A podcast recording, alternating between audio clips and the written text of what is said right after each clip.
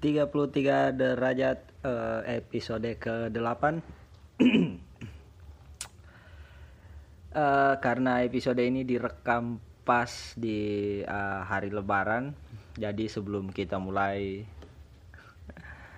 eh, mohon maaf lahir dan batin dulu ya minal aizin eh, wal faizin. Eh,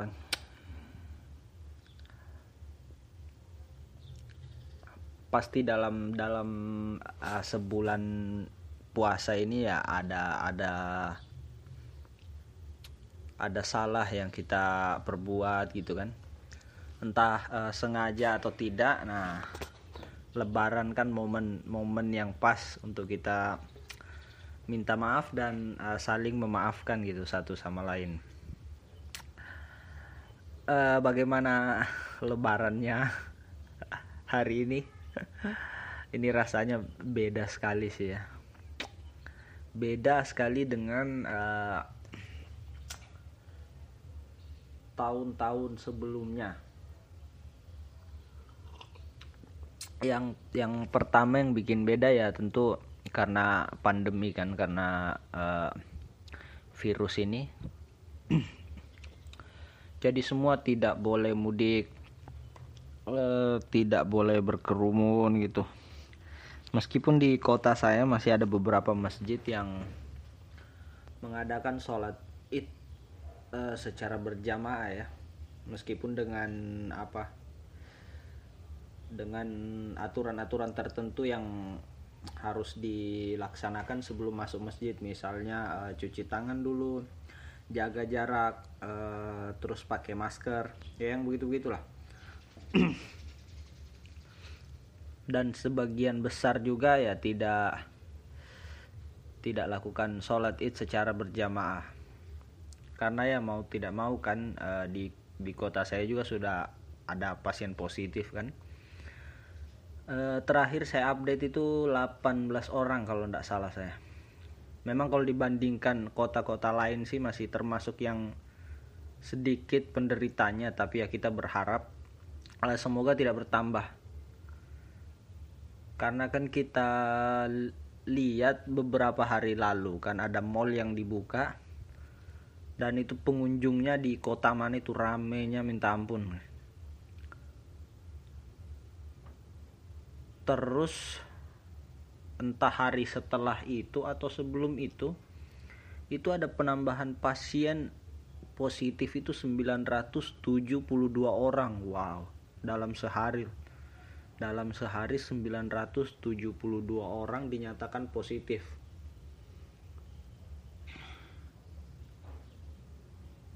Wah nggak tahu deh.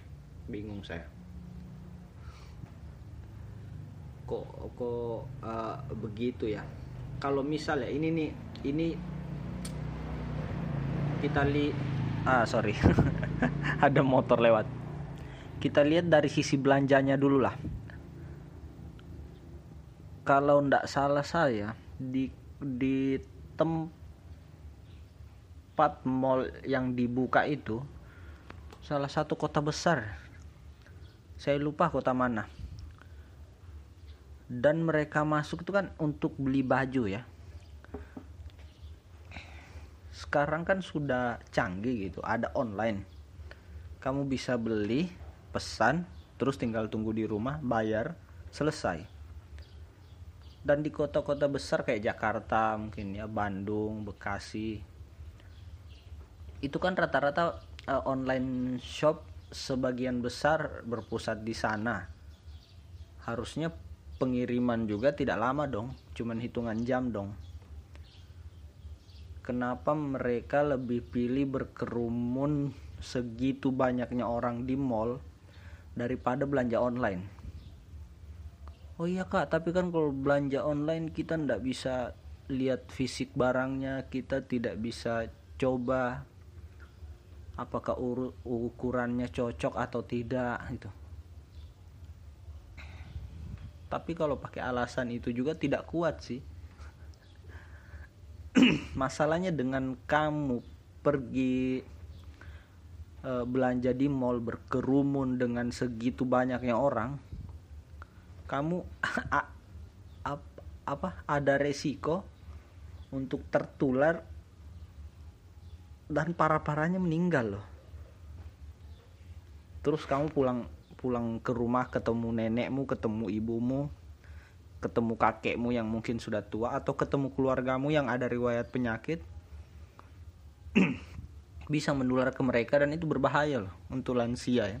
Menurut menurut risetnya kan begitu untuk lansia berbahaya untuk orang yang ada riwayat penyakit apalagi paru itu kan berbahaya. Apa apa mereka ah tahu lah ya saya bingung juga. Urutan berpikirnya itu bagaimana atau gini deh simpelnya begini. Kalau kita lebaran tanpa baju baru itu memangnya ada hal apa yang terjadi begitu? Kan tidak ada apa-apa lebaran tetap jalan gitu. Memangnya kalau kita tidak beli baju baru terus tiba-tiba lebaran ditunda? Eh sorry sorry ada ada motor lewat lagi. Ya itu tadi memangnya kalau kita tidak beli baju baru gitu tidak beli sendal baru terus lebaran ditunda begitu?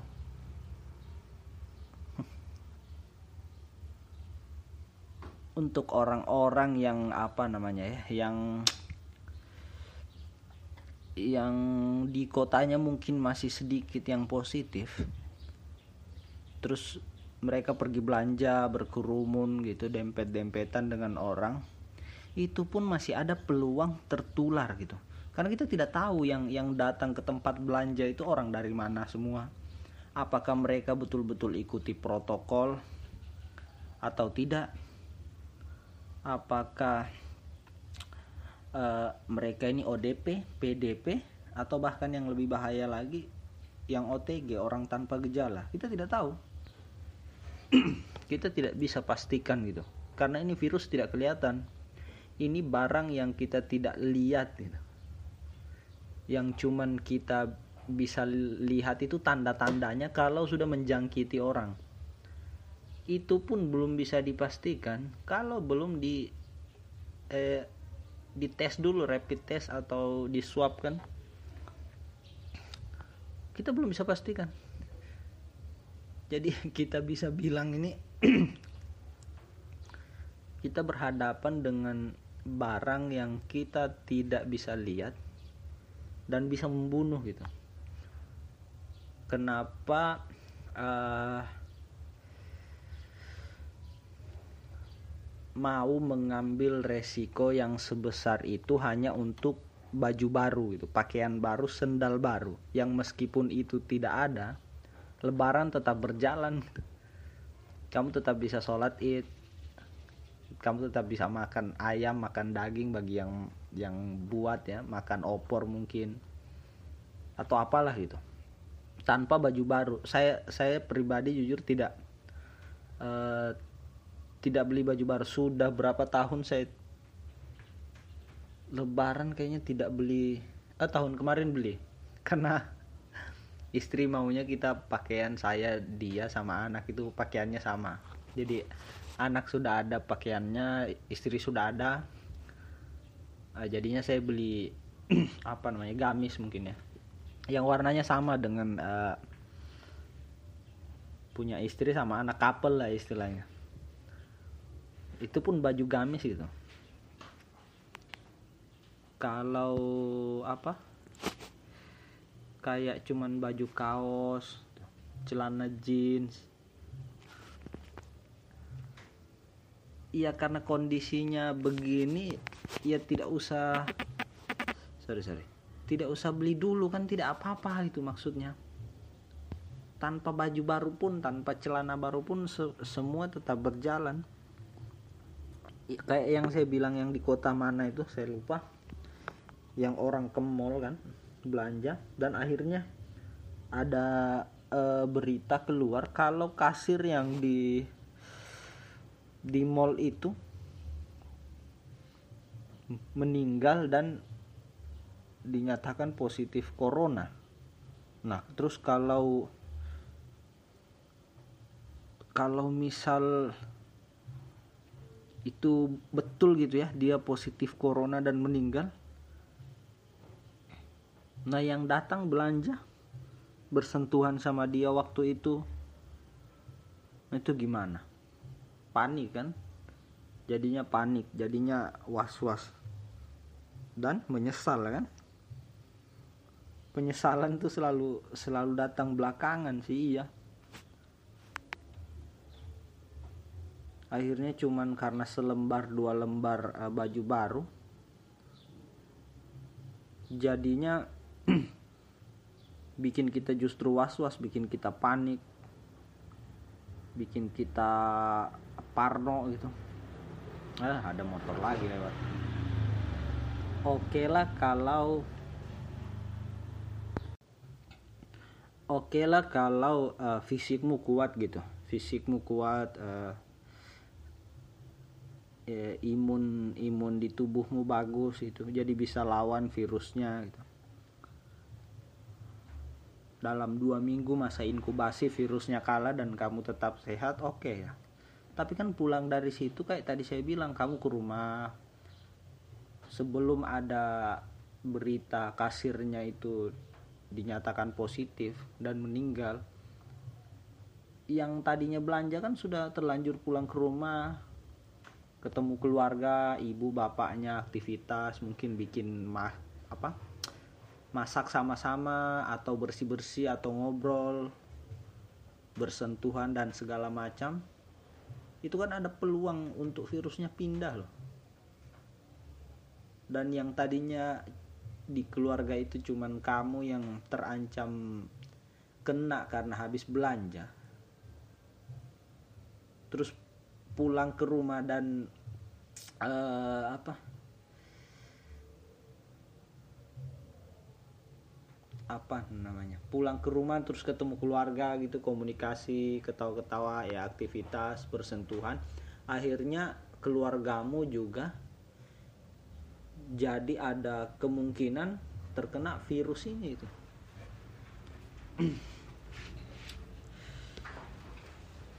Aduh tadi motor ini. Mobil lagi. Sorry sorry ya.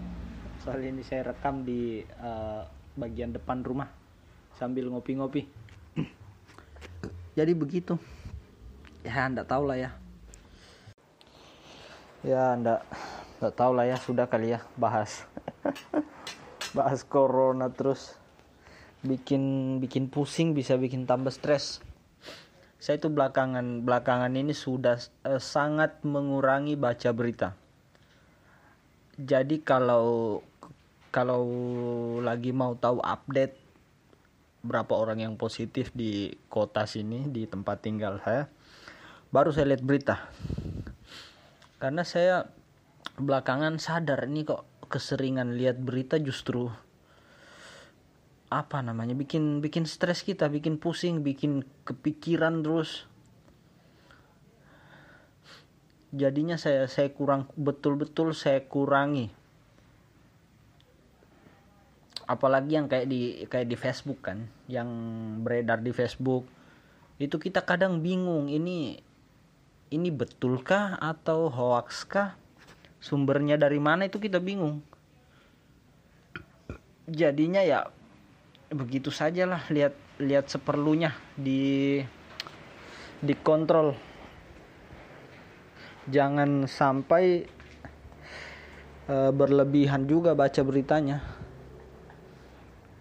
tidak bagus men untuk untuk e, pikiran untuk mental tuh tidak bagus. Ini kelihatan secara fisik sehat tapi mental belum tentu. Mentalnya belum tentu sehat. Karena kepikiran kepikiran terus. Ah kapan gitu ya ini ini wabah selesai. Kayaknya sih ada yang ada yang bilang sih lama. Kalau mau langsung hilang total sulit gitu. Ada yang bilang uh, kayaknya bakalan lama. Dan kalau nanti misal ya vaksinnya sudah ketemu ya kemungkinan kita kita bakalan divaksin gitu. Jadi coronanya tetap ada tapi kitanya dikasih vaksin supaya uh, bisa bertahan lah istilahnya. Bisa bisa melawan coronanya. Jadi kita tidak terjangkit begitu. Ah, tapi tidak tidak tahu nanti lah ya dilihat bagaimana perkembangannya kalau saya sih ya berdoa sajalah. Semoga di sesegera mungkin kita dikasih jalan yang paling baik. Ya Tuhan lah yang paling tahu mana yang baik untuk kita mana yang buruk untuk kita. Sambil kita usaha kan sambil kita ikhtiar ikuti protokol dari dokter dari uh, dari WHO gitu ya ikuti saja protokolnya supaya kita ya insya Allah dengan protokol itu kita bisa lebih aman lebih safety gitu. Bisa tidak terjangkit virusnya. Sambil kita doa juga. Karena ini kan kalau saya percayanya ya ini kan terjadi semua pasti atas uh, izin uh, Tuhan ya kan atas kehendak kehendak ya sang pencipta dan yang bisa angkat ya cuman Tuhan juga dengan ikhtiar kita ya dengan usaha kita dengan usaha tim medis gitu. Mengobati yang sudah uh, terjangkit gitu. Terus memberi arahan kepada yang belum terjangkit supaya tidak jadi salah satu pasien positif gitu. Dikasih protokolnya cuci tangan uh, jaga jarak pakai masker kalau keluar ya kita ikuti itu saja. Tidak tidak susah-susah amat sih. Terus jangan jangan inilah jangan ngeyel jangan tambah-tambah masalah lah. Keadaan sudah sudah sulit begini. Ada ada saja itu apa orang-orang itu kelakuannya aneh-aneh gitu. Sudah sudah saya bahas di episode apa ya? Episode 5 mungkin ya episode 5 atau 6 kok kelakuannya begitu gitu? Kok di tengah kondisi seperti ini dia bisa bertingkah bertingkah seperti itu gitu? Ah entahlah. Ya pokoknya teman-teman stay safety gitu ya. Uh, semoga semuanya aman lancar sehat-sehat yang memang harus bekerja ya mau tidak mau bekerja saya juga ini sudah akhirnya memutuskan untuk uh, cari lamaran lagi untuk kerja lagi. Karena kita tidak tahu uh, virusnya selesai kapan sementara kita butuh ya butuh makan butuh bayar listrik gitu kan. Bensin kendaraan kayak kalau kita mau uh, beli makan beli lauk pauk kan ya harus naik motor. Motornya butuh bensin bensinnya butuh uang. Jadi akhirnya saya putuskan ya mulai sebar lamaran lagi karena ada beberapa perusahaan yang uh, ternyata masih buka lowongan.